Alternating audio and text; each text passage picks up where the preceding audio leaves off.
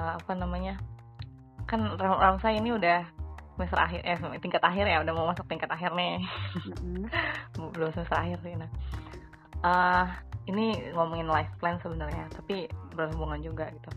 Bahwa uh, kenapa ya maksudnya Ramsay dan teman-teman ini yang berjuang di tingkat akhir ini gitu. Uh, yang sebenarnya uh, kalau personally udah punya life plan gitu ya.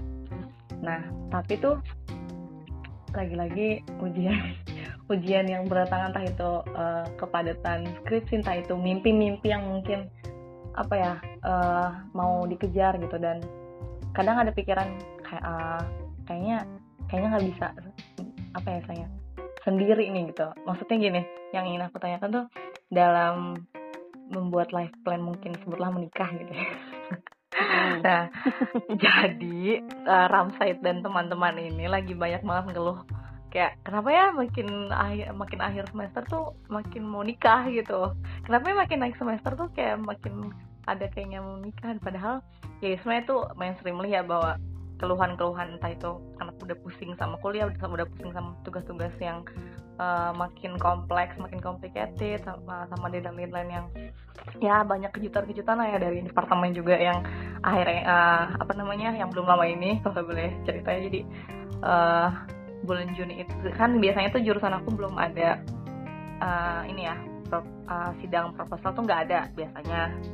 Nah tahun ini itu diadakannya ujian sidang proposal skripsi. Nah itu diedarinya belum lama ini dan itu wajib untuk semuanya bukan cuma untuk yang daftar aja gitu jadi bulan Juni lah. Terus teman-teman aku tuh pada ngeluh terus kayak bilang aduh uh, bener-bener ya itu dosen nyuruh bikin skripsi kayak bikin kayak nyuruh bikin candi perambahan. Emang dikira semalam jadi gitu. Terus uh, terus intinya banyak banget keluhan yang ya udah aku mau nikah aja gitu lah. Nikah nikah nikah. Nah uh, sebenarnya uh, apa ya itu tuh kayak bukan cuman sekedar jokes atau sekedar keluhan aja sih teh sebenarnya. Akhirnya itu personalnya juga kayak uh, apa ya jadi terenungkan atau jadi terpikirkan juga gitu. Uh, padahal udah nulis juga di life plan mau kapan menikah. Nah, udah gitu uh, hubungannya sama tadi VMG VMG itu juga kayak ngerasa uh, wah ini udah banyak banget ujian berdatangan dan apa istilahnya? Ya tadi banyak orang yang yang modus atau baper gitu. Jadi justru mikirnya ah apa gue nikah aja? Maksudnya biar gue terjaga lebih baik gitu dari cowok-cowok yang nyebelin nyebelin ini gitu. Padahal kan uh, lebih dari itu ya lebih dari uh, apa istilahnya? Sekedar mengeluh atau sekedar saking stresnya dengan uh, tugas perkuliahan yang apa ya mikirnya tuh menumpuk. iya mikirnya tuh ah uh, kalau udah nikah ntar ada yang bantuin bekas atau bantuin penelitian skripsi. Itu dari keluhan-keluhan teman-temannya yang mungkin bagi mereka jokes gitu ya. Cuman uh, apa ya istilahnya jadinya malah um, bikin gak fokus gitu loh teh. Bikin yeah. gak fokus. Yang ini tuh udah udah aku udah punya self project self purpose gitu. Udah punya life plan mau kapan dan lain-lain gitu. Tapi uh, apa ya misalnya dengan tadi pertama banyak apa iklim akademik terus kedua uh, apa yang fenomena yang banyak banget ujian-ujian ini yang sebenarnya kalau kata temen aku kenapa kamu diuji dengan ujian yang sama? Karena kamu belum lulus dengan ujian yang sebelumnya gitu ya gimana ya teh? Uh, gimana cara kita tuh emang mendalami lebih dalam diri kita? Apalagi udah di usia sekarang tuh bener-bener banyak banget self talk atau ngobrol sama diri sendiri uh, tentang tujuan hidup tentang uh, kenapa saya harus menikah tentang uh, kenapa saya harus melakukan ini itu gitu teh. Jadi uh, okay. apa namanya kayak masih belum matang gitu loh dengan fokus ini gitu. Ya mungkin kayaknya uh, Ramsay sendiri menyadari ya dengan background BK usia-usia 21 itu tuh biasanya lagi kayak menanjak tuh keinginan yang kayak gitu tuh tadi. Ah karena pusing dengan segala macam segala macam gitu. Itu sesuatu yang wajar. Pertama saya saya bilang itu sesuatu yang wajar gitu kan. Kayaknya setiap orang pernah mengalami itu. Yang kedua siap menikah dan mau menikah itu berbeda. Hmm. gimana? Ya siap menikah dengan mau menikah itu berbeda. Kalau mau nikah bisa jadi aku maunya nikah cuma sama dia. Iya dengan orang yang disuka gitu. Ya iya gitu.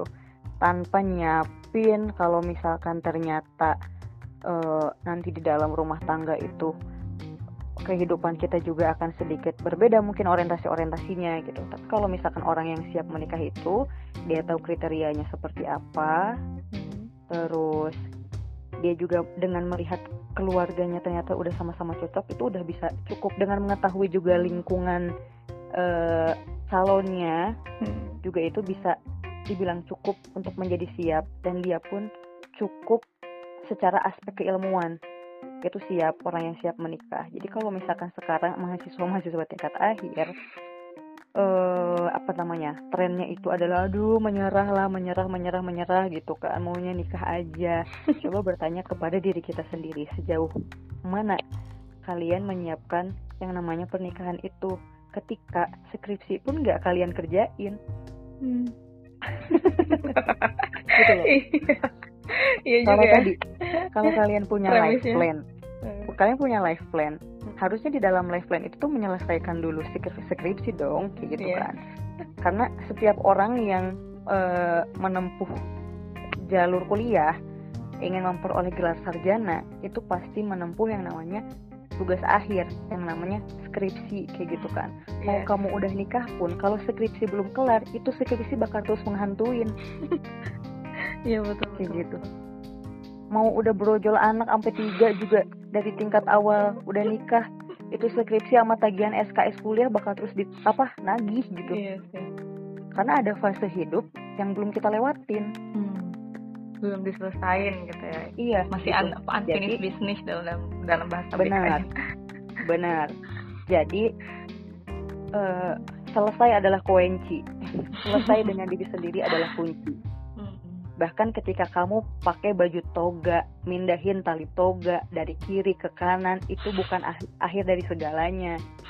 Itu juga bukan satu-satunya hal yang bisa dibanggakan. Hmm. Tapi kebermanfaatan kamu dengan pemindahan tali toga itu hmm. sejauh mana ke masyarakat itu baru bisa dibanggain. Hmm. Karena orang yang selesai dengan dirinya sendiri itu bukan selesai masa studinya aja gitu kan. Hmm. Tapi mereka yang bukan lagi oh, seneng dikasih kode hmm kode dikasih kode sama si itu gitu kan tapi mereka yang justru berhasil memecahkan kode-kode dalam realitas kehidupan. Wadidaw, entah senang. iya benar-benar nah, ya. Jadi begini bahasanya. Aduh. Aduh. Quote of the day. Oke oke oke jadi emang fokus dulu gitu ya satu-satu pelan-pelan iya. Jadi karena gini gini nih. Gimana? ketika seseorang naik status mm-hmm. tantangannya pasti beda. UPI ini dulu tuh apa sih status kampusnya BHMN ya? Naik jadi PTNBH mm-hmm. statusnya pada, pada uh, statusnya jadi beda tantangannya jadi beda gitu. Naik status tantangannya beda dulu nggak ada tuh tanggungan-tanggungan dosen harus penelitian artikel. Ma eh, mahasiswa juga harus dilibatkan dalam penelitiannya. Nggak ada kayak gitu. Sekarang kita jadi manusia dengan berbagai profesi dengan berbagai aktivitas pun juga sama. Ketika naik status beda status tantangannya juga beda. Hmm. gitu. iya. yang harus kita lakukan adalah menyelesaikan diri kita sendiri dan menyiapkan aspek keilmuan itu aja. Jadi challenge-nya juga banyak ya setelah ya benar jemaah. Oke oke. Oh gitu ya. Terus kadang tuh ada juga keluhan-keluhan uh, apa namanya? Ih say uh, aku mau gak mau nikah. Tua uh, tua tua nikah tua tua aku mau nikah di usia segini gitu. Nah uh, ini tentang merancang life plan ya teh. Uh, apa namanya kalau sebenarnya aku juga salah satu yang aku penasaran juga. Emang uh, apa namanya kenapa ya orang-orang tuh kayak menya, menyam, menyamakan ya bisa jadi menyamakan standar pernikahan ideal. Itu misalnya setelah lulus itu langsung menikah itu sangat ideal sekali saya kayak gitu.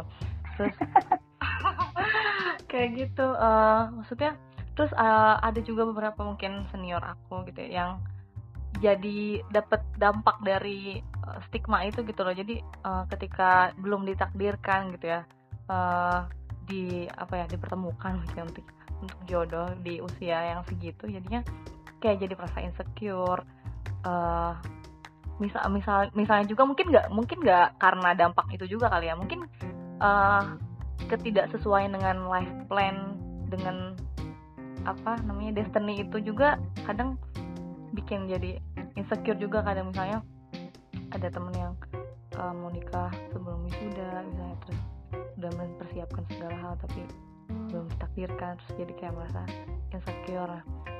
Uh, apa namanya? Tete tuh pasti aku percaya sih Tete adalah orang yang sangat detail membuat life plan ya kan? Masa sih? Nggak tahu ya aku aku mikirnya kayak gitu sih. Gak mungkin lah orang keren gak punya uh, waduh, waduh, preparation waduh. yang yang mantap gitu ya. Nah itu uh, apa namanya sering gak sih teh terjadi uh, uh, kita sebut frekuensi gitu atau ya ke apa intensitas uh, banyak banyak enggaknya life plan itu nggak sesuai banget gitu sama dengan reality yang harus dihadapi dan itu how to respond it gitu. Nah, khususnya menikah mungkin ya gitu. Tapi kalau menikah kayaknya sesuai life plan ya. Kalau life plan nikah 2017 malah. Serius? Serius. Makanya sih gitu jadi gini. Saya tuh setelah melewati sampai fase umur 25 tahun ya istilahnya kayak gitu. Mm-hmm. punya life plan uh, abis kuliah selesai lulus 2016 mau langsung ke Turki ceritanya waktu itu udah nyari-nyari beasiswa ke Turki segala macem. Oke okay, kalaupun saya udah tuh life plan tentang kuliah ke luar negeri. Hmm. oke okay, sambil nunggu-nunggu beasiswa itu saya punya plan berikutnya yaitu saya harus menjadi jurnalis di alur di alur yang mainstream. Hmm. maksudnya arus mainstream aja adalah maksudnya maksudnya gini arus mainstream mainstream itu. Media-media yang memang diakui hmm. dan bisa dilihat oleh halayak banyak lah kita yeah, katakan yeah, yeah. gitu punya okay. life plan ke sana hmm. tapi yang terjadi adalah berkali-kali gagal bahkan di tes administrasi gak tahu kenapa tes administrasi itu uh, pemberkasan gitu-gitu waktu itu server down hmm.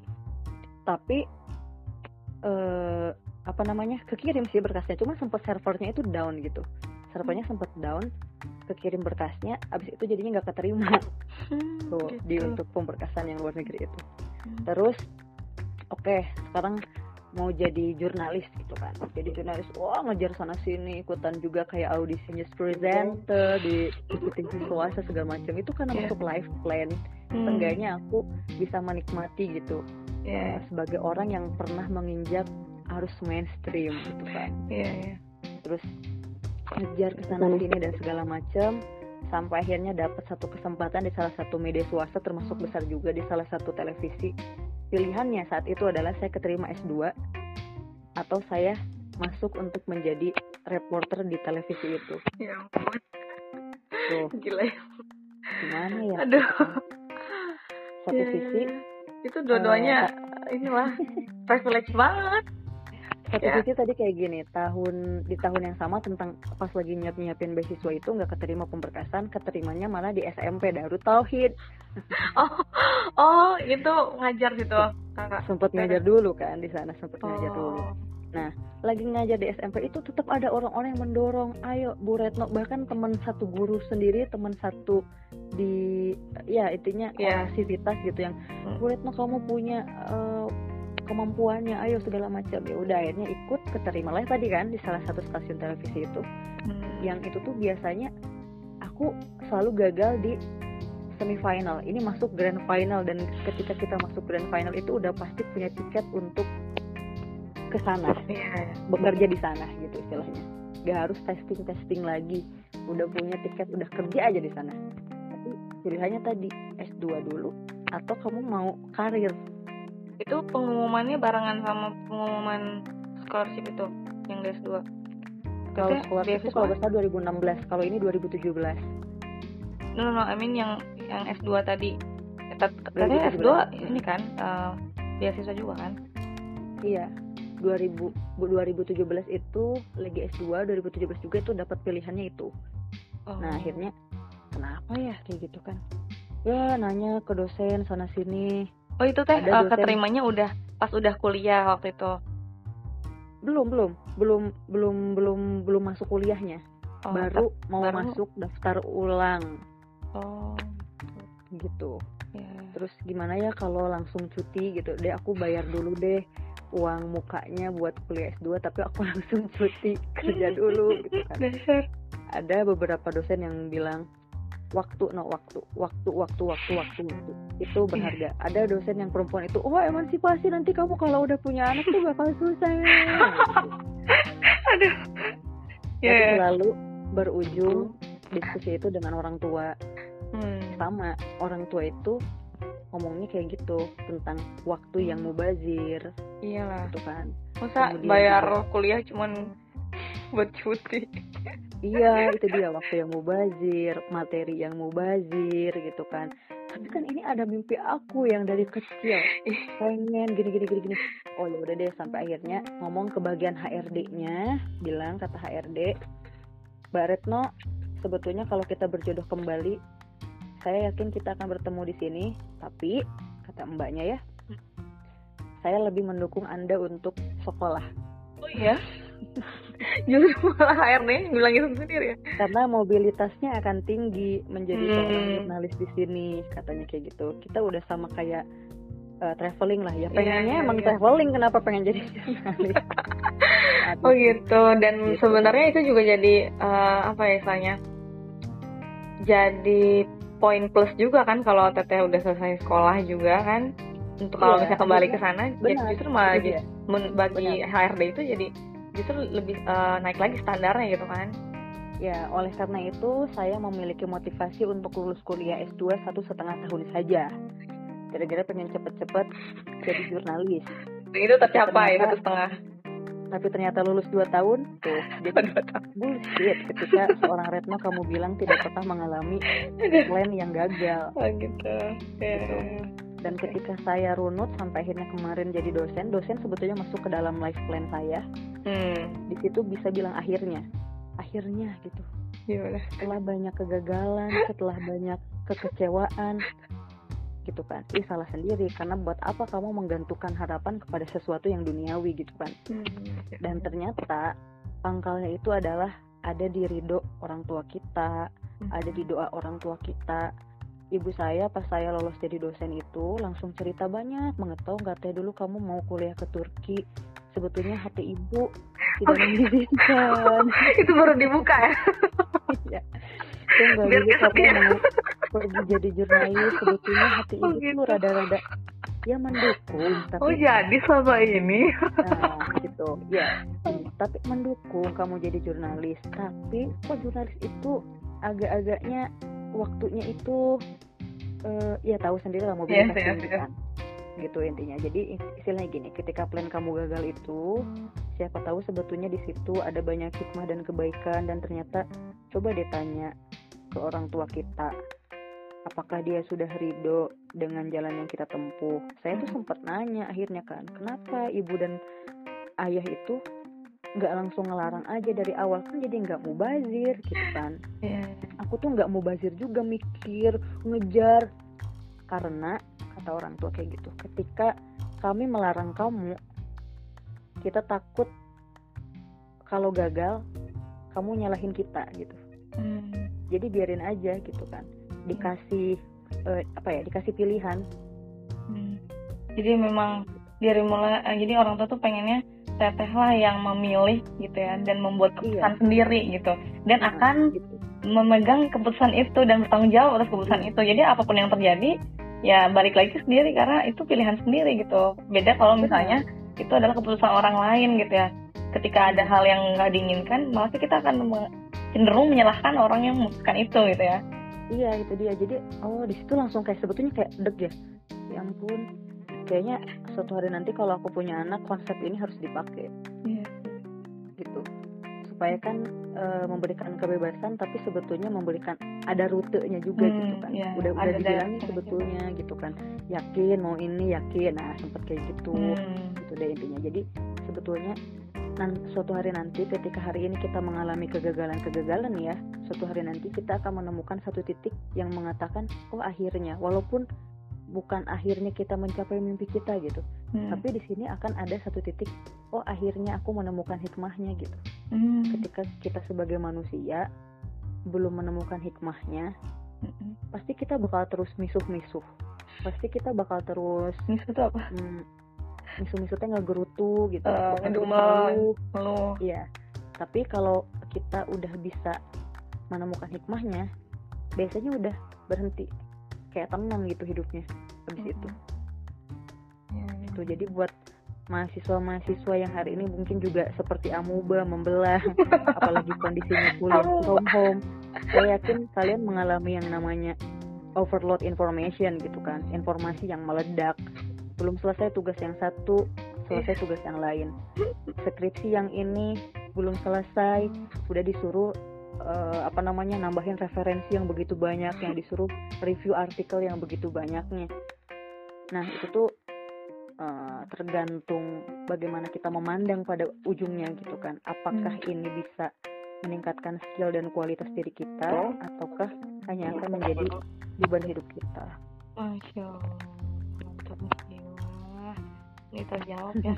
Terus uh, tentang tadi tuh lifestyle menikah tuh gimana tuh?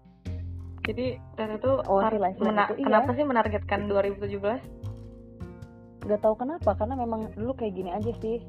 2017 biar nanti anak-anaknya. Itu usia berapa teh kalau boleh tahu? gitu. 2017 kenapa kenapa? Waktu 2017 usia berapa 2017 ini berapa ya? 23, 23, 23 ya.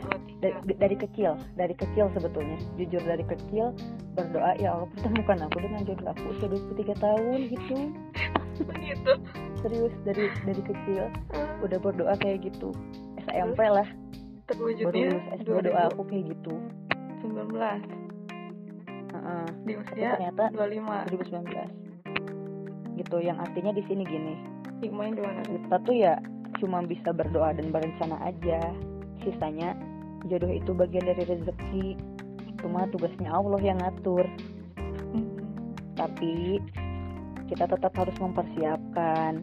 Itu jadi kayaknya tahun 2017 itu saya baru poksok omdo doang. Nah omdo.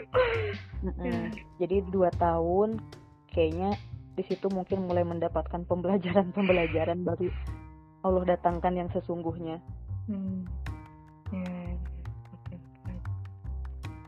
Wadaw, mantap jiwa. Jadi uh, antara mau dan siap itu berbeda ya. Memang sih sangat berbeda.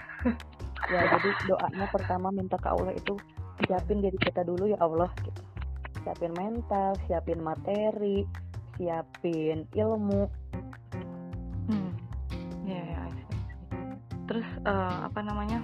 Terakhir deh um, teteh itu dalam menikah ya. Uh, ketika minta sama Allah itu eh apa namanya ya kan teteh pasti punya kriteria kan? Kriteria yeah. calon suami. Mm-hmm. nah ini juga yang beber, uh, jadi ob, uh, obrolan beberapa orang gitu ya. Uh, menikah dengan orang yang kita suka atau suka dengan orang yang menikahi kita itu sebenarnya udah kayak udah semua orang bisa jawab ya yang better yang mana gitu ya. Uh, cuman uh, apa ya aku tuh pernah juga beberapa kali jadi perantara perantara. Perantara senior. Ya jadi emang ada yang apa istilahnya sama-sama mungkin punya perasaan. Perasaan yang sama tapi uh, dirawat dan dijaga dengan baik dan disampaikan dengan cara yang benar dan baik gitu loh. Nah uh, tapi ada juga senior lain yang emang tuh dia ceritakan kalau dia tuh emang bener-bener pengen netral gitu dalam berproses untuk ke sana gitu dan uh, apa namanya intinya yang satu adalah menikah dengan orang yang disuka. Yang satu lagi adalah me, apa namanya? Me, apa sih tadi? Menyuka eh suka yang mencintai dengan orang yang dinikahi gitu ya. Iya. Nah kalau teteh yang mana? Sebenarnya gini. Ya. Mau kita nikah sama orang yang kita suka asal prosesnya baik dan berkah itu nggak masalah. Pun ketika kita uh, mencintai orang yang menikahi kita ketika proses di awalnya baik dan berkah itu juga nggak masalah kayak gitu kan. Hmm, yeah. jadi kalau orang guru saya bilang gini jodoh makan bagian dari rezeki. Intinya gini udah ada yang menakarnya. Hmm. uh, dengan apa ya jadi mau gimana pun jalannya ke mana ka, jeng ke mana ke mana jalana gitu kan. Kumaha carana jodoh kita mah tetap yang itu hmm. gitu pun gak disebutin namanya memang cuman maksudnya nanti tuh dipasangkannya dengan yang serupanya seperti itu hmm. kriterianya seperti itu gitu hmm. nah yang menjadi masalah itu cara menjemputnya seperti apa mau cara yang berkah atau cara yang hmm. beh gitu kan dilemparkan dari langit ke bumi gitu. aduh nasibila ya karena menciptakan sakinah mawadah warohmah itu harus dimulai dari keberkahan prosesnya hmm. tadi kalau menjawab pertanyaan yang mana karena proses yang saya lakukan adalah nomor dua jadi oh, gitu. Masya Allah iya. Oke, okay. ya masya Allah ya. Ini kita udah mau sejam nih ngobrol-ngobrol. Mantap jiwa. Ah, pokoknya sebenarnya banyak yang ingin digali lagi ya, tapi uh, mungkin next time uh, terima kasih banyak banget buat banyak insight baru dan uh, mungkin ada closing statement buat para pendengar uh, gimana caranya jadi eh udah gimana caranya. Pokoknya intinya closing statement tentang uh, keren tanpa bobogohan dan cewek tanpa mantan ini. Iya, jadi sebetulnya itu tadi ya kita tuh selalu diuji dengan syubhat dan syahwat apalagi hmm. perempuan mah syubhat dan syahwat. Buat kosmetik aja tuh uh, syubhat-syubhatnya bisa jadi banyak si perempuan kan kayak gitu. Terus uh, teman-teman yang hari ini juga mungkin di dalam hatinya menggebu-gebu dengan perasaan-perasaan seperti itu coba alihkan energi itu tuh untuk sesuatu yang jauh lebih bermanfaat. Karena kalau misalkan kita menggulung-gulung diri dengan perasaan itu, perasaan suka itu, perasaan cinta itu di waktu yang belum seharusnya, uh-huh. itu tuh cuma berdampak untuk diri kita sendiri. Hmm. Orang lain mah ada belum tentu kan ketika kita suka sama orang lain, dia suka juga gitu. Standar tampan dan cantik bagi orang lain juga berbeda gitu kan. Jadi yeah. makanya ketika kita hari ini memiliki uh, rasa cinta atau energi yang besar tentang cinta di dalam diri kita itu tuh uh, alirkannya tuh ke sesuatu lain yang lebih bermanfaat untuk banyak orang bukan hmm. hanya dirasakan untuk diri kita sendiri gitu yeah. jadi cobalah selesai dengan diri kita sendiri. Tadi saya sudah sebutin orang yang selesai dengan diri sendiri bukan orang yang senang bermain kode, tapi mereka yang uh, mampu memecahkan kode-kode dalam realitas kehidupan. Mereka yang selesai juga bukan yang masih aja menyimpan harapan tanpa kepastian, tapi mereka yang selesai dengan dirinya sendiri adalah mereka yang menyalakan harapan dan memberikan kepastian kepada umat yang menunggu jawaban dari setiap permasalahan. Hmm. Udah gitu aja Ramsay. Oke. Okay. Terima kasih. Ini banyak banget ya quotes hari. Oke, okay, uh, pokoknya sekali lagi thank you so much for the time and place. Uh, jangan lupa dengerin podcast ini. ya. Oke, okay. sukses terus buat Ramsay dan para pendengarnya. Amin. Kasih Masya Allah. Uh, selamat menjemput buka puasa. Terus ini masak ya teh Iya. Aduh emang ya setiap sore jadi masak terus ya sekarang. Oke deh. Uh, terima kasih. See you next time. Assalamualaikum warahmatullahi wabarakatuh. Waalaikumsalam warahmatullahi wabarakatuh.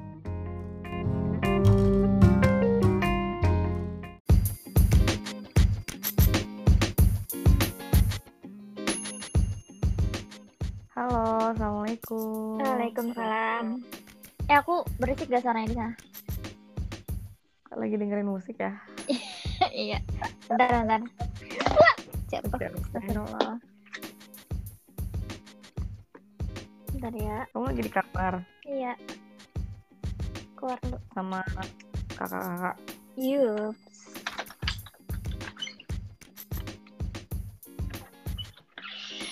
Sudah Tugasnya udah beres belum? jalannya tugas sebelum lagi sebelum sama tugas.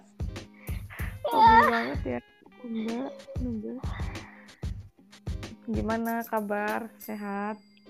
Stres. Stres guys. Udah gila ya. Tahu ih, astagfirullah. Stres sama apa nih? Tugas. Iya. ya Allah, kayak bacaan ilmiah ilmiah tuh susah kali. Iya. Tapi Aku ya bisa udah. merasakan sih. Halo. Ini kamu ada suaranya sih?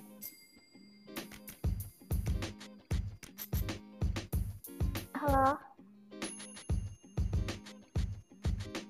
Ada suaranya di aku loh. Kok bisa? Sekarang Eh, ada. ada? Ada ada. Tadi kamu apain? Oh.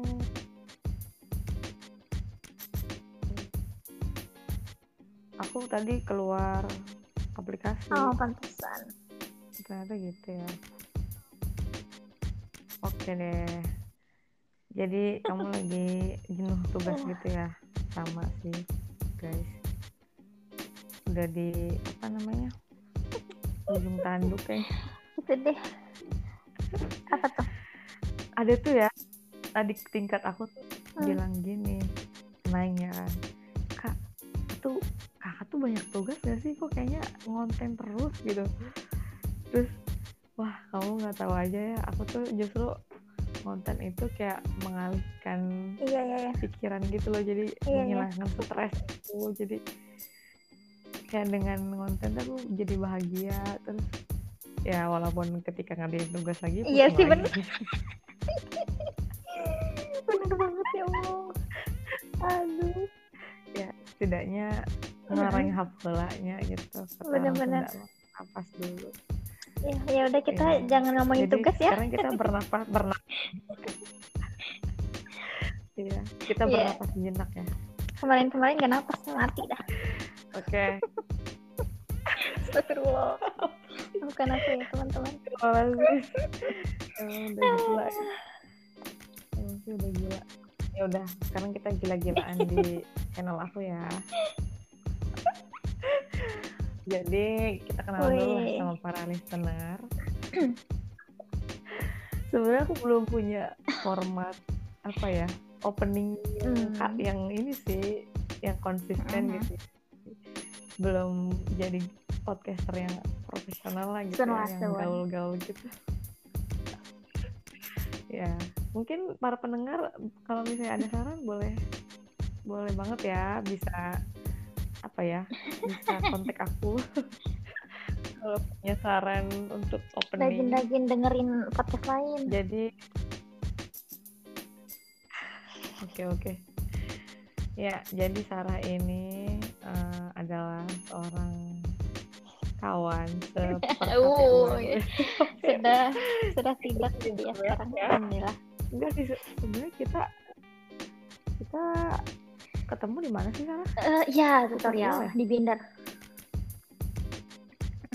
Eh, binder binder Terus kan kamu so asik Iya, gitu. kan waktu di, di binder tuh kan oh gitu ya emang aku so asik ya Enggak sih emang emang orang ini humble Iya sih. orangnya. Aku kan dulu masih malu-malu gitu loh. Waduh. Belum malu-maluin. ingat banget oh ingat banget kayaknya manis banget Apanya? iya kayak yang santan banget gitu Suara kamu ya kedengeran jadinya. halo Nah, kok kayak gini ya tadi keputus di mana iya tadi apa ada manis-manis gitu nggak tahu apa kayak mineral kali. iya jadi eh, waktu pertama kenal Sarah itu Hmm. first impression aku tuh ini orang santun bener gitu ya ya gitu lah pokoknya uci banget lah gitu Aduh.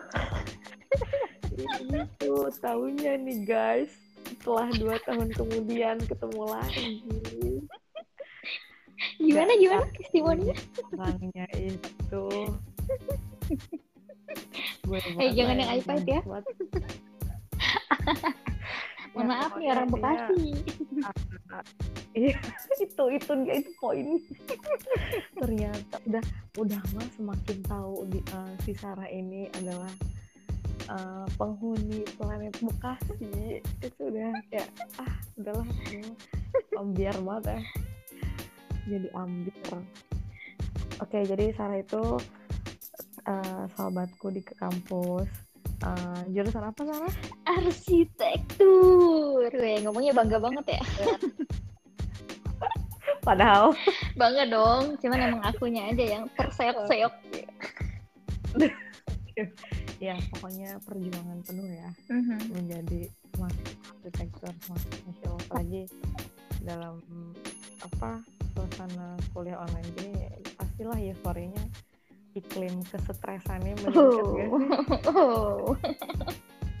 ya udah ya udahlah kamu juga hidup ya yeah. kalau kagak mau stres mati aja udah udah nggak ada masalah hidup tuh iya sekarang berarti tingkat berapa teh Sarah tingkat tiga ya iya yeah. semester semester enam ya. sama kita setingkat Doa. cuman umurnya sih beda ya, ya. Tolong jangan sebut umur oh iya oke okay. ini bukan tempatnya ya. siap, siap. ini adalah tempat mengulik identitas gestar aku ya bukan identitasku oke okay? oke okay. lanjut jadi uh, uh-huh. apa namanya dulu tuh pas eh, ini masih nyambung nggak halo putus-putus lagi. Masih nyambung nggak? Masih masih. Nyambung ya. Putus-putus tapi jadi mm -hmm. oh gitu. Sekarang masih putus nggak? Enggak udah nyambung, nyambung ya? eh. Ya? Ih, sumpah ini mohon maaf ya untuk pendengar. Mohon maaf sekali kita banyak ketawanya ya. Iya selama ini selama 7 menit 45 detik ini dari sini teman-teman sudah bisa menggambarkan ya kepribadian Sarah itu seperti apa jadi nggak nyangka sih jadi ketika 2017 tuh kenal di Binder terus mungkin beberapa kali ketemu ya di Alfurkan ya yeah. nganggur gitu gak sih mm-hmm. terus kayak yang Hai, kamu masih inget aku nggak gitu gitu gak sih? Iya iya iya benar-benar. ya salah mabak mabak gitu kan. Iya gitulah ala ala ya. Terus 2019 ya dipertemukan lagi. Mm-hmm. Nah itu di satu kepanitiaan disebutlah kepanitiaan kampus uh, yang panitia penyelenggara pemilu presiden dan Rema UPI. Yeah. Oke, jadi sebenarnya uh, malam ini eh ini malam ya? ini malam ya. ya pendengar mendengar mm -hmm. ya. Uh, jadi gini, aku kan biasanya tuh ngobrol tuh kayak tentang hal-hal yang mungkin bisa dibilang berat hmm. tapi emang santai sih depannya hmm. tapi ya tetap berat sih topiknya sekarang tuh kayak pengen cobain ngobrol yang receh-receh gitu sesuai dengan kepribadian kita kan boleh boleh boleh iya jadi guys uh, gak nyangka gitu ya pokoknya seorang Sarah Jasmine ini ketika aku mengenalnya di kafe itu kayak awal-awal tuh kayak uh, ini orang dingin banget gitu.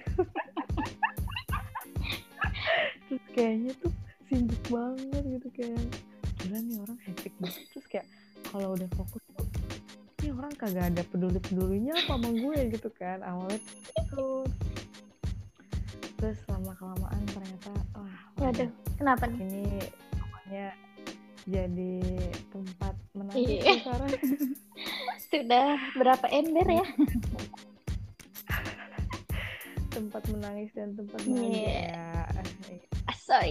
Ya pokoknya susah bareng ya. Itu KPU ya, udah. banyak drama lah. Udah dramatis sih selama di kampus kayaknya.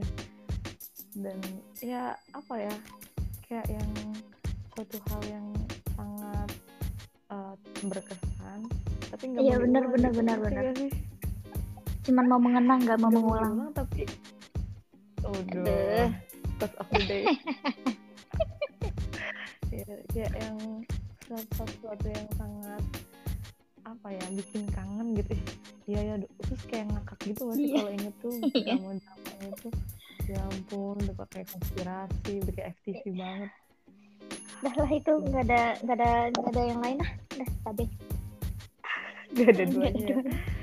oke eh, sebelumnya ada dua hal sih yang ingin aku bahas. Apa tuh? Yang pertama itu pengen yang pengen Mm-mm. dulu aja. Boleh. Lebih dalam lagi uh, about you. Oke. Nah yang pertama nih ini ada beberapa list pertanyaan yang ini gak apa-apa ya kalau receh santai santai ntar aku tukerin ke Alfamart apa ya? Emang nerima ih ya? nerima tahu malah kembalian tahu.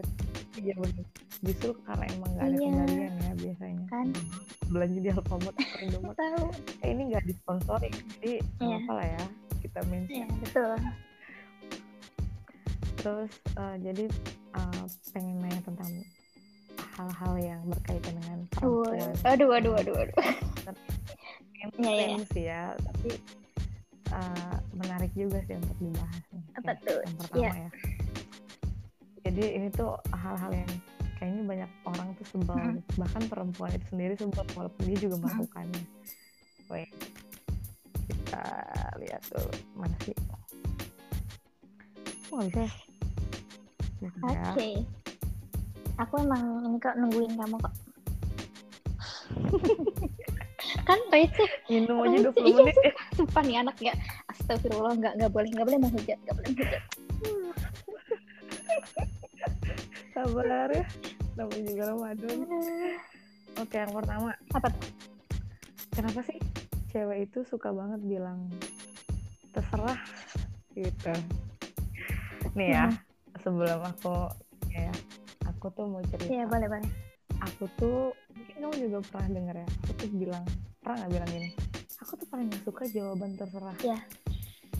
Itu kata aku nggak sih? Nah itu aku bilang kayak gitu. Oh, iya, kamu pernah dengar nggak aku kamu kayak gitu? Pernah nggak? Nggak tahu deh. Misalnya lupa. Kamu yang mana? Hmm. terserah oh iya iya sih kayaknya pernah pernah. Pernah ya? Nah terus kalau aku pribadi ya Mm-mm.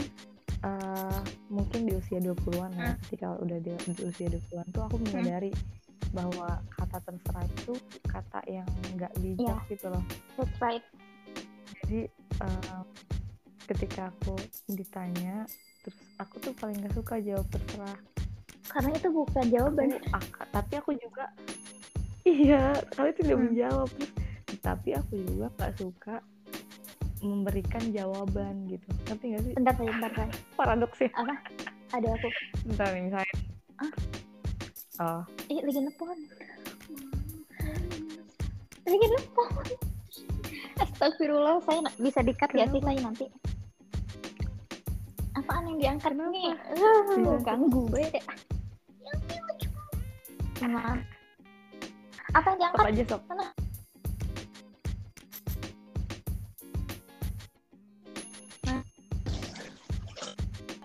Jangan begini Astagfirullah. Ya, udah gitu doang ya Allah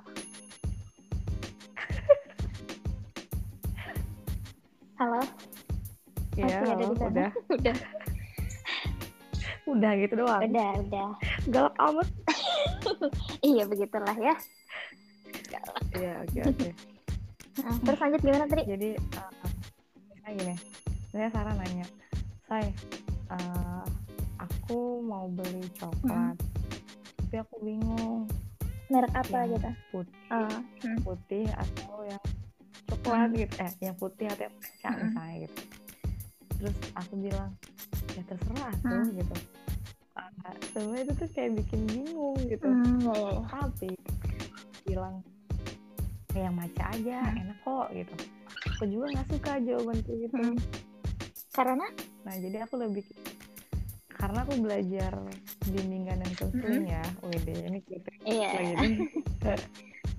jadi kalau dalam prinsip bimbingan dan konseling itu esensialnya adalah bahwa klien hmm. itu yang menentukan atau membuat keputusan sendiri. Hmm. Jadi misalnya ah, kamu ada masalah hmm. nih sama orang, terus kamu aku tuh uh, menja merespon itu bukan ah iya iya ya, paham bukan ngasih solusi kan ya udah jadi ya bukan ngasih tahu sikap yang harus dia kasih ya, ya. eh sikap yang harus dia lakukan tapi aku ngasih tahu ngasih memberikan informasi mm -hmm. kalau kamu apa yang kamu rasakan misalnya memperjelas nanti, eh, apa yang nanti dirasain sama orang itu kan nah terus dampaknya kayak gimana mm -hmm. kalau kamu bersikap kayak gini misalnya gitu mm -hmm. nah balik lagi ke coklat yeah. ya jadi aku mungkin lebih prefer jawabnya uh, kamu sukanya yang mana aku suka dua-duanya kayak gitu bingung ya kamu biasanya makannya yang mana mm -hmm. aku biasanya memaca sih tapi aku lagi pengen coba vanilla mm -hmm. nah itu kan sebenarnya dia menemukan jawaban yeah, aku lagi pengen coba lagi pengen coba kan sekarang kan itu jadi bikin dia menemukan apa yang dia nggak sadari mm, gitu. Yeah. Iya. pertama aku nggak suka bilang terserah mm. juga kedua aku nggak suka juga ngasih jawaban yang konkret udah kamu yang aja gitu mm, yeah. kalau mm. tapi aku tuh nggak jarak juga misalnya aku nanya nih ke Sarah mm. Sarah aku sukanya eh enggak aku pakai warna aku pakai warna biru oh, iya, iya. eh baju ya, itu problem cewek ya warna biru atau pink terus kamu hmm. bilang biru aja hmm. terus aku bilang tapi aku sih itu yang ya menyebalkan ya pada ujungnya adalah milih iya. sendiri benar sekali terus ya yang pertanyaan itu nggak perlu dijawab hmm. gitu jadi paradoks banget kata terserah ini nah tapi ada satu kondisi hmm. juga di mana cewek itu kalau bilang hmm. terserah hmm. itu lagi marah hmm. ya ya oke sekarang kita ngomongin khususnya Sarah ya aduh pertama pertanyaannya apa tuh? uh, pernah kan pasti ketika ditanya orang kamu bilang terserah pernah banget. Oke. Okay pakai banget ya guys. Ya maksudnya selama hidup masa gue nggak pernah ngomong terserah gitu. Ya, okay. nah ini dalam konteks pertanyaan tadi ya. Misalnya pertanyaannya tentang saran mm-hmm. antara pilihan. Yeah. kamu jawabnya terserah. Mm-hmm. Apa maksud dari terserah itu? Wahai para Jasmine. Kalau aku yang sekarang itu literally terserah gitu. Ap apa pun pilihannya apa pun uh, jawabannya ya aku bakalan iya gitu iyain gitu. Kalau yang sekarang. Ya terus? Ya udah gitu. Jadi ya terserah di sini. Ya apa pun apa ya apa ya? Kayak nggak peduli sih aku pilih yang mana karena dua-duanya aku suka gitu loh ngerti gak sih kayak nggak masalah oh, buat aku iya, mau yang iya. A atau yang B gitu kalau aku ngomong terserah oh, karena menurut kamu semua mm -hmm. oke okay. tapi kadang nah, okay. ya, kadang kadang kalau misalnya emang lagi emosi sih kalau lagi emosi atau lagi dalam keadaan tertentu terserah tuh dipakai kalau misalnya udah nggak tahu mau ngomong apa lagi. Maksudnya tuh kayak sebelumnya tuh aku udah ngejawab nih. Sebelum sebelumnya aku udah ngejawab aku udah nentuin pilihan mau yang ini. Tapi tuh ya itu lawan bicaranya kayak nggak nerima apa jawaban aku gitu. Jadi kan daripada aku males berdebat lagi ya udah aku bilang aja terserah. Tapi ujungnya ya aku tetap nerima apa pun keputusan itu gitu. Oke. okay. Yuk ada suara ada ada ada hmm. terus oke okay, itu pertama ya, ya. kedua apa gitu dengan posisi kamu mm -hmm. yang uh, bilangin terserahnya kamu ditanya mm -hmm. ke aku nih terus aku jawab mm -hmm. terserah apa interpretasi kamu waktu itu Misalnya, uh, ketika kamu seingat aku aku pernah ngomelin kamu deh pas kamu bilang terserah terserah tuh bukan jawaban. Tolong jadi cewek tuh pendiri punya pendirian. Iya nggak sih? Iya nggak sih? Iya iya. Ya kan? Aku sangat emosi kalau ada yang bilang terserah ya iya. Ya oke. gitu. Iya please maksudnya? Jadi interpretasi eh, uh, intinya kamu kamu rasakan adalah itu sangat tidak membantu gitu iya betul. Kayak please eh, ketika aku nanya berarti, aku harusnya tuh butuh jawaban. diri. Ya tapi harusnya berarti kamu bisa memosisikan diri ketika kamu ditanya ya bu jangan jawab terserah. Enggak, terserah itu tuh maksudnya eh, mau yang mana aja gitu boleh gitu ngerti gak sih? Enggak soalnya aku tuh marah. Iya. Heeh, aku tuh marah kalau misalnya nanti eh apa ya si orang ini tuh ngomong apa kan lupa. Aku tuh marah kalau misalnya apa? eh, misalnya udah bilang terserah nih tapi dia bilang lagi eh, enggak kayaknya bagusan yang ini deh gitu loh kayak apa sih? Aku ngomong apa sih? Enggak enggak. Kalau aku jadi bingung. Oh jadi dia tuh terserah. Udah terserah Hmm. kamu aja. Kayaknya yang ini bagus Iya, deh gitu. gitu ya. Jadi intinya kamu Hmm. mau terserah atau mau yang ini gitu ya maksudnya. Tapi ini sih kayak nih terlalu aku biasanya ngomong terserah. Itu kalau misalnya eh, mau beli makan tapi sama temen. Nah nah, maksudnya Oh, hal-hal yang jadi jadi lebih kayak ke terserah Hal-hal kamu terserah kamu tuh maksudnya kamu tuh sukanya apa gitu. Ya aku ikut gitu loh bukan terserah. Heeh. jadi bebas Iya, lah gitu gitu loh. gitu dalam suatu hal yang penting Mm-mm. untuk tapi kalau seseorang misalnya gitu emang ya. aku ditanyain lagi kalau kamu maunya apa ya udah aku bakalan jawab gitu terserah di sini tuh eh, cara aku untuk mempersimpel sesuatu oh gitu menyerah Ya, oh iya, iya. kayak lebih ya udah kamu uh, lebih menyerahkan pilihannya ke orang Iya, yang betul. itu gitu ya tuh intinya bahasanya mah way you are mm. gitu ya. Kamu maunya apa sok? Aku ikutin gitu loh. Oke.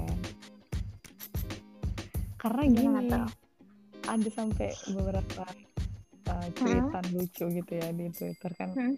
ya organnya Twitter uh, uh, ketika eh tahu nggak Hmm. terserah itu definisinya apa? Apa? Jadi terserah itu kata lainnya ayo tebak-tebakan sama saya. Nyebelin tuh yang kayak gitu nyebelin tuh. Saya tuh sebel banget ketika terserahnya tuh buat nguji orang gitu. Sejak kapan orang bisa tahu isi otak manusia gitu Memuna? Ya Allah. Misalnya eh, jadi kita Hmm. main ke mana nih? Mau ke mall Hmm. atau ke gunung? Terserah. Itu tuh emang nyebelin iya sih kalau dalam kondisi itu iya sih ya oke. Oke itu pertama ya sampai pernah aku, sampai aku Hmm. tuh searching gitu ya di Google tuh banget artikel yang nulis kayak misalnya headline-nya tuh 10 arti kata Masya terserah bagi perempuan gitu. Terus ada juga di headline-nya. Wahai para pria ketahuilah ini maksud perempuan di balik kata terserah gitu gitu loh kayak jadi banyak yang Hmm. menginterpretasi gitu padahal setiap Hmm. kepala beda-beda ya ya Oke, itu terutama ya.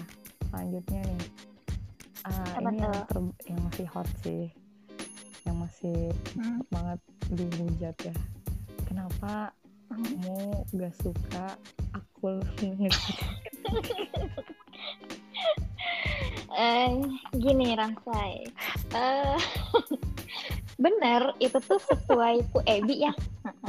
Dengerin dulu gak cuman kamu, banyak. Ya gak cuman kamu itu tuh yang marah marahin aku karena aku ngechat pakai titik. coba aku aku sih orang-orang tuh? kenapa kamu ngechat diakhiri dengan titik?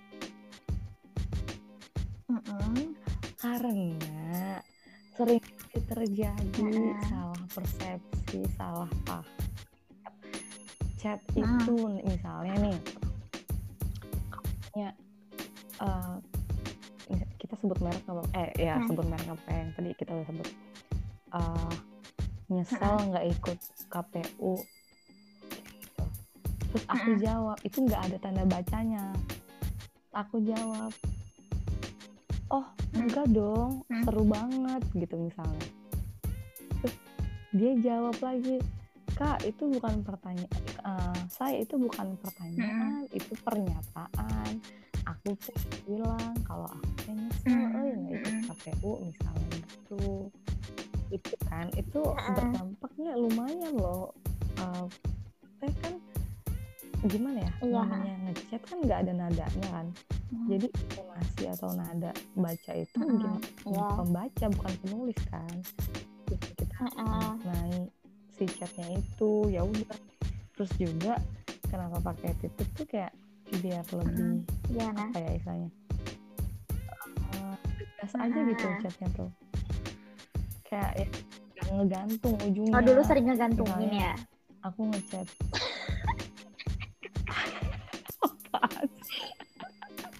ampun lanjut. gandeng. Iya misalnya uh, ujung yang ngegantung tuh gimana?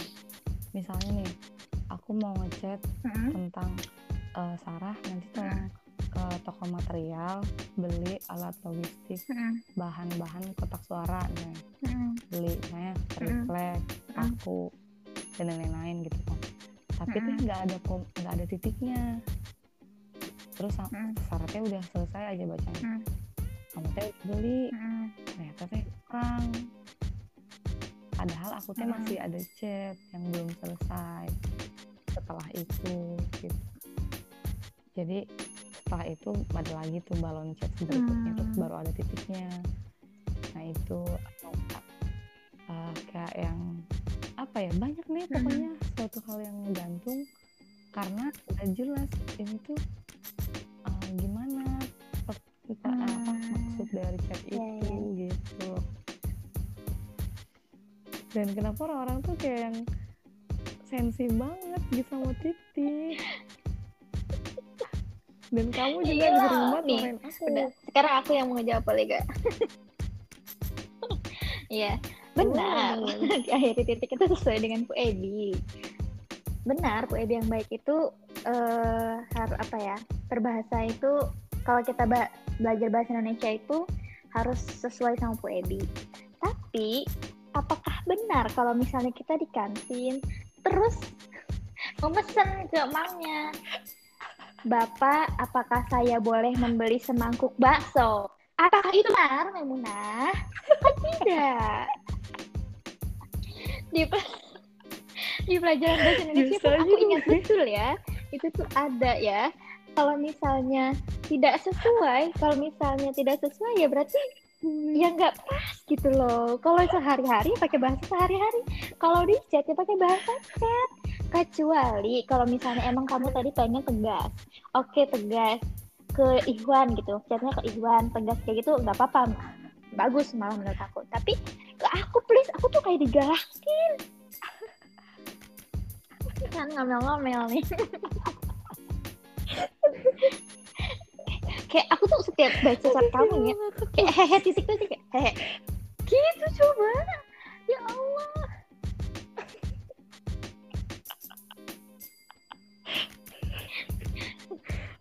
Gitu ya. Ya Allah. Ini tuh ya. Itu kayaknya luapan emosi kamu yang selama ini hanya bisa kamu sampaikan. Lewat betul. Sekarang meluap. Dan kayaknya banyak omelin aja ramsanya omelin. ini deh. Pengen banget marah-marahin ya ampun ngakak deh. Kayak yang uh-huh. aku tuh kayak ngakaknya itu gak cuman seorang aja cuman kamu doang gitu. Hampir setiap uh-huh. bahkan dari orang yang deket banget sampai orang gak deket atau bahkan baru kenal juga. Dipakai titik cenah teh. Kenapa sih orang-orang? Gitu. Gimana ya? Aku menyimpulkan aku menyimpulkan tuh sekarang tuh banyak lebih banyak orang yang lebih hmm. berperasaan daripada berlogika tuh enggak karena secara logika what's the matter with titik gitu? Kayak yang ya udah sih kamu juga baca buku kan ada ada titiknya nih kayak gitu terus yang kayak yang ya mungkin ya hmm. psikologi orang ya mungkin lebih aku sih menyimpulkan ini banyak hmm. kondisi di mana orang itu ketika lagi marah atau lagi emosi itu nah. eh, memang bahasa hmm. chatnya ya kayak titik gitu kayak misalnya mungkin kamu kamu sering nggak uh, mm-hmm. emang kayak misalnya lagi ada masalah sama orang kamu merubah bahasa chat kamu dari biasanya oh. entah itu pakai oh iya tentu tingkat pernah nggak kayak gitu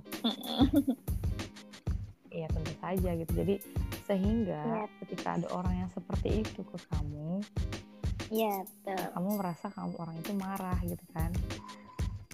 Kan. Itu oh jadi aku jadi kayak yang dapat uh, pikiran-pikiran uh, mungkin fakta baru ya bahwa oh jadi kan marah tuh chatnya pakai titik gitu. Jadi kalau misalnya ada ada orang yang chatnya pakai titik dianggap marah gitu kan. Oke, itu apa ya sesepele itu tuh lumayan jadi bahan hujatan orang keram. Banyak yang marah ke kamu. Aduh. Ya. Iya, pokoknya say, tolong dong itu Emang, ya Allah. Tahu gak sih setiap baca tuh kaget sampai aku tuh. Ada, sampai teman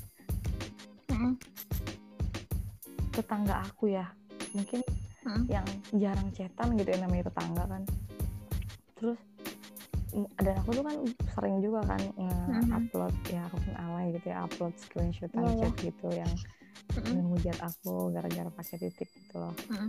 nah tetangga aku nih baru aja hari ini tadi itu tuh uh, kan tiba-tiba ngechat mm-hmm. ngucapin selamat ulang tahun kan terus uh, dia tuh pakai titik mm-hmm. dan, dan lucunya eh enggak enggak kan gini ngucapin kan terus uh, mm. besok is gitu kata aku teh terus aku teh ngeliat dia upload aku kan terus aku komen mm. naon sih? Gitu oh, besok. Uh, eh mm. aku pengen bilang kamu lupa ya gitu. Terus dia tuh bilang gini gak apa-apa biar jadi the first gitu. Terus ada WKWK nya mm. nah lucunya titiknya tuh setelah WKWK iya iya. Ya, jadi kebayang, kayak kebayang. yang nyusul gitu loh titiknya kebayang nggak? Aku juga beberapa kali kayak gitu sih kayak misalnya ada kalimat yang hmm. nggak pakai titik terus aku baru nambahin titik gitu.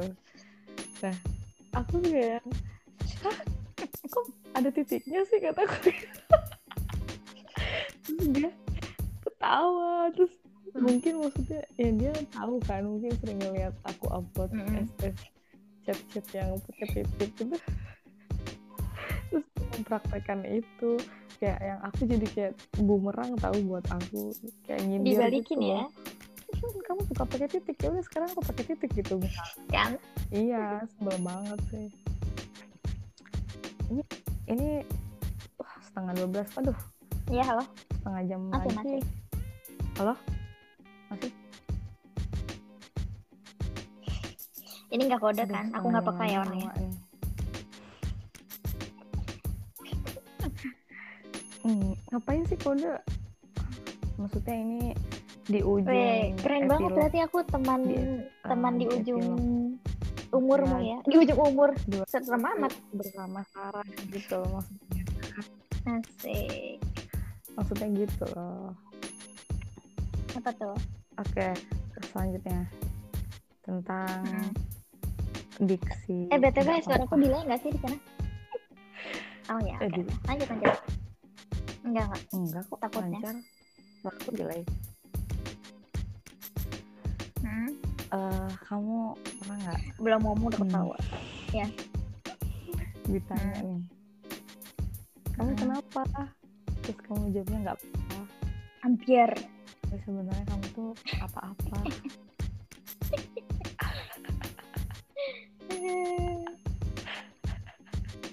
pernah.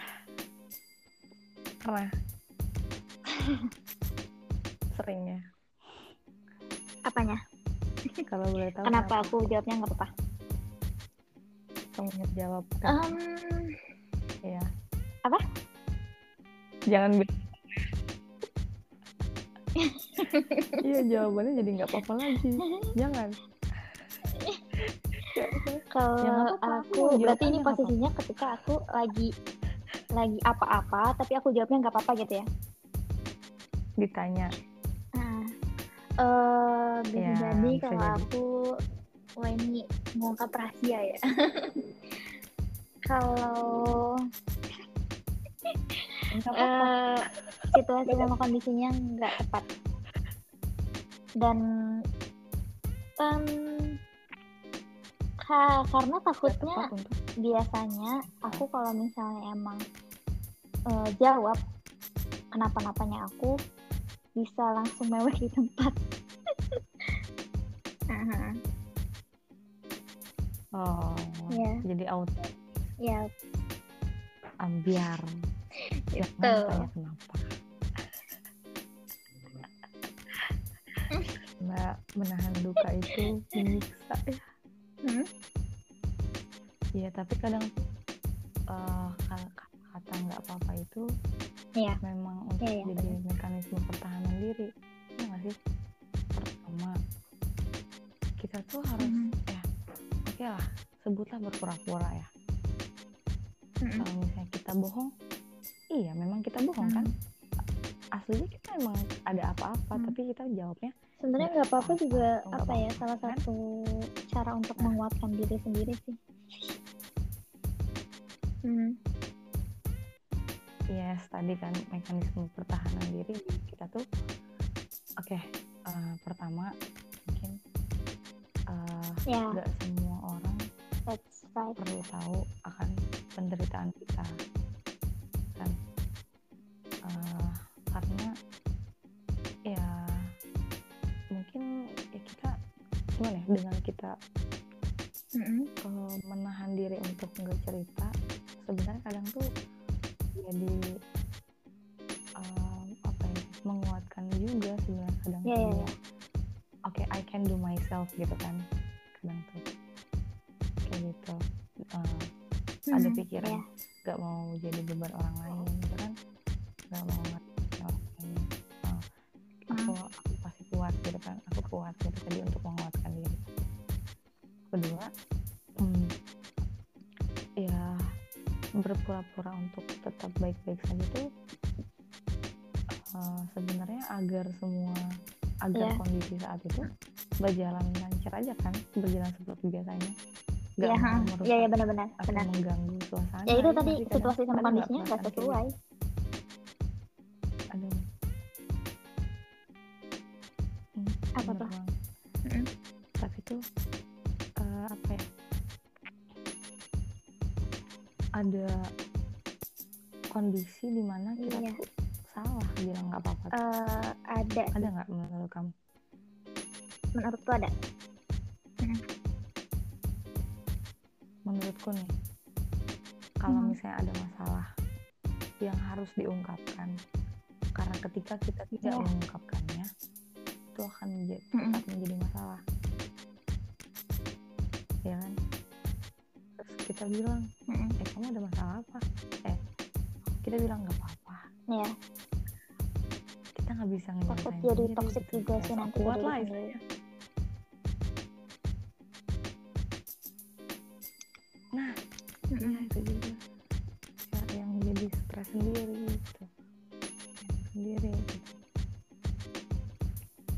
menurutmu ada aja nggak selain itu kondisi yang di mana kita tuh uh, itu sih tadi kalau misalnya kita ketika kita emang kesakitan ketika emang kita butuh pertolongan aku ya mungkin ketika memang aku butuh pertolongan ya salah kalau misalnya aku bilang nggak apa-apa atau aku bilang nggak nggak butuh pertolongan gitu. Karena ya ketika emang sakit bukannya diem diri tapi cari pertolongan gitu cari obatnya. Jangan sok kuat untuk bisa nyelesain itu sendiri gitu. Ya kamu juga manusia. Gitu. Hmm. betul betul. Ih, btw dari tadi tuh aku nyari ya. Uh, seingat aku aku tuh pernah bikin konten ini tentang gak apa-apa dan terserahnya perempuan. Iya. Terus baru nemu. Oh iya? Di IG uh -uh. Aku nge-scroll art di mana di Instagram? Kalau di sini aku nanya sih uh, nanya ke followers Instagram ya. Aku nanya kan kayak uh, kalimat terserah aku nggak apa-apa atau oke-nya cewek tuh menyeramkan kan katanya. Uh, terus apa sih sebenarnya yang ada di pikiran perempuan kalau misalnya uh, ngomong itu gitu kan? Nah terus jawabannya setelah aku setelah aku jawabannya simpulkan yang pertama itu ada cari aman. Cari aman itu biasanya emang bilang kata-kata itu tuh ketika mentok. Ya sebenarnya tuh aku pengen ini dan pengen itu. Harusnya tuh kayak gini dan kayak gitu. Tapi pas mikir lagi ah ribet deh kalau bilang kayak gini. Nanti disangkanya gini atau gitu lagi. Ya udah bilang gak apa-apa atau terserah aja. Kayak gitu. Jadi ya itu tadi untuk mempersimpel mempersimpel uh. mempersimpel jawaban gitu loh. Terus uh, yang kedua itu ada bingung okay. uh -uh. bingung uh -uh, jadi kayak bingung mau milih apa bingung emang gak tau mau milih apa gitu dan uh, itu tuh kalau bingung ini tuh lebih ke tadi menyerahkan juga ke uh, si penanya jawabannya tuh kayak gimana karena diri sendiri juga bingung gitu kan mau yang kayak gimana nah terus yang ketiga ini ada ingin dimengerti. Ini ini di jawaban jawabannya ya katanya gini. Kan aku pertanyaannya tuh sebenarnya mau bilang apa? Terus ada yang jawab kadang spontan. Terus ada yang bilang ada harapan pengen dimengerti atau memang lagi bingung jadi lebih milih jawab itu aja. Kayak gitu. Karena kalau dikasih tahu apa yang dirasain orang lain gak akan ngerti. Jadi lebih sering bilang gak apa-apa. Ya gitu. Terus intinya ketika bilang kayak gitu tuh pengen dimengerti uh, sama orang lain. Tapi sebenarnya menurut aku kasihan gitu orang lain. Gimana bisa ngerti kalau misalnya kitanya aja cuma bilang nggak apa-apa gitu. Halo? Nyambung? Oh kamu diem aja. Ya halo.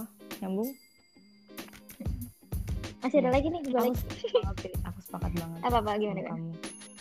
Jadi tapi tapi hmm. tapi gini kadang tuh aku pernah juga kayak gitu jadi kadang tuh kayak yang uh, pengen dia tuh ya peka deh gitu sama hal yang yeah. bikin bikin yang dibikin onar gitu misalnya kayak gitu kenapa sih hmm. uh, kayak gini jadi kayak uh, udah kesel pernah tuh aku kayak gitu dan ketika ditanya uh. ya Gak apa-apa tuh kadang juga kayak jawaban Gak apa-apa. Lo kan nyadar lo habis berbuat apa? Itu bener-bener kayak. Ya kan? Benar sekali Sarah iya. Enggak, kan aku aku melihat ngerti itu maksudnya. Iya. Gimana sih? Kita tuh ingin orang hmm. itu sadar kan? Makanya yeah. lu iya. sadar gitu gue hmm. bilang itu bukan yeah. berarti gak ada apa-apa tapi gue pengen sadar yeah, benar. sendirinya tapi sebenarnya ini loh aku nggak hmm. bijak kadang tuh ada yang yeah. bijaknya tapi ada beberapa kasus yang memang harus digap apain biar yeah. orang itu nggak apa ya kayak instan gitu dapat mm -hmm. hal-hal yang harusnya dianalisis mm. sendiri gitu dia pikirkan mm. Baik-baik nggak asal terima mm. laporan misalnya asal nerima jawaban. Iya terus ya, tadi di yang keempat itu ada ngetes. Apalagi apalagi? Ya itu tadi sih ngetes.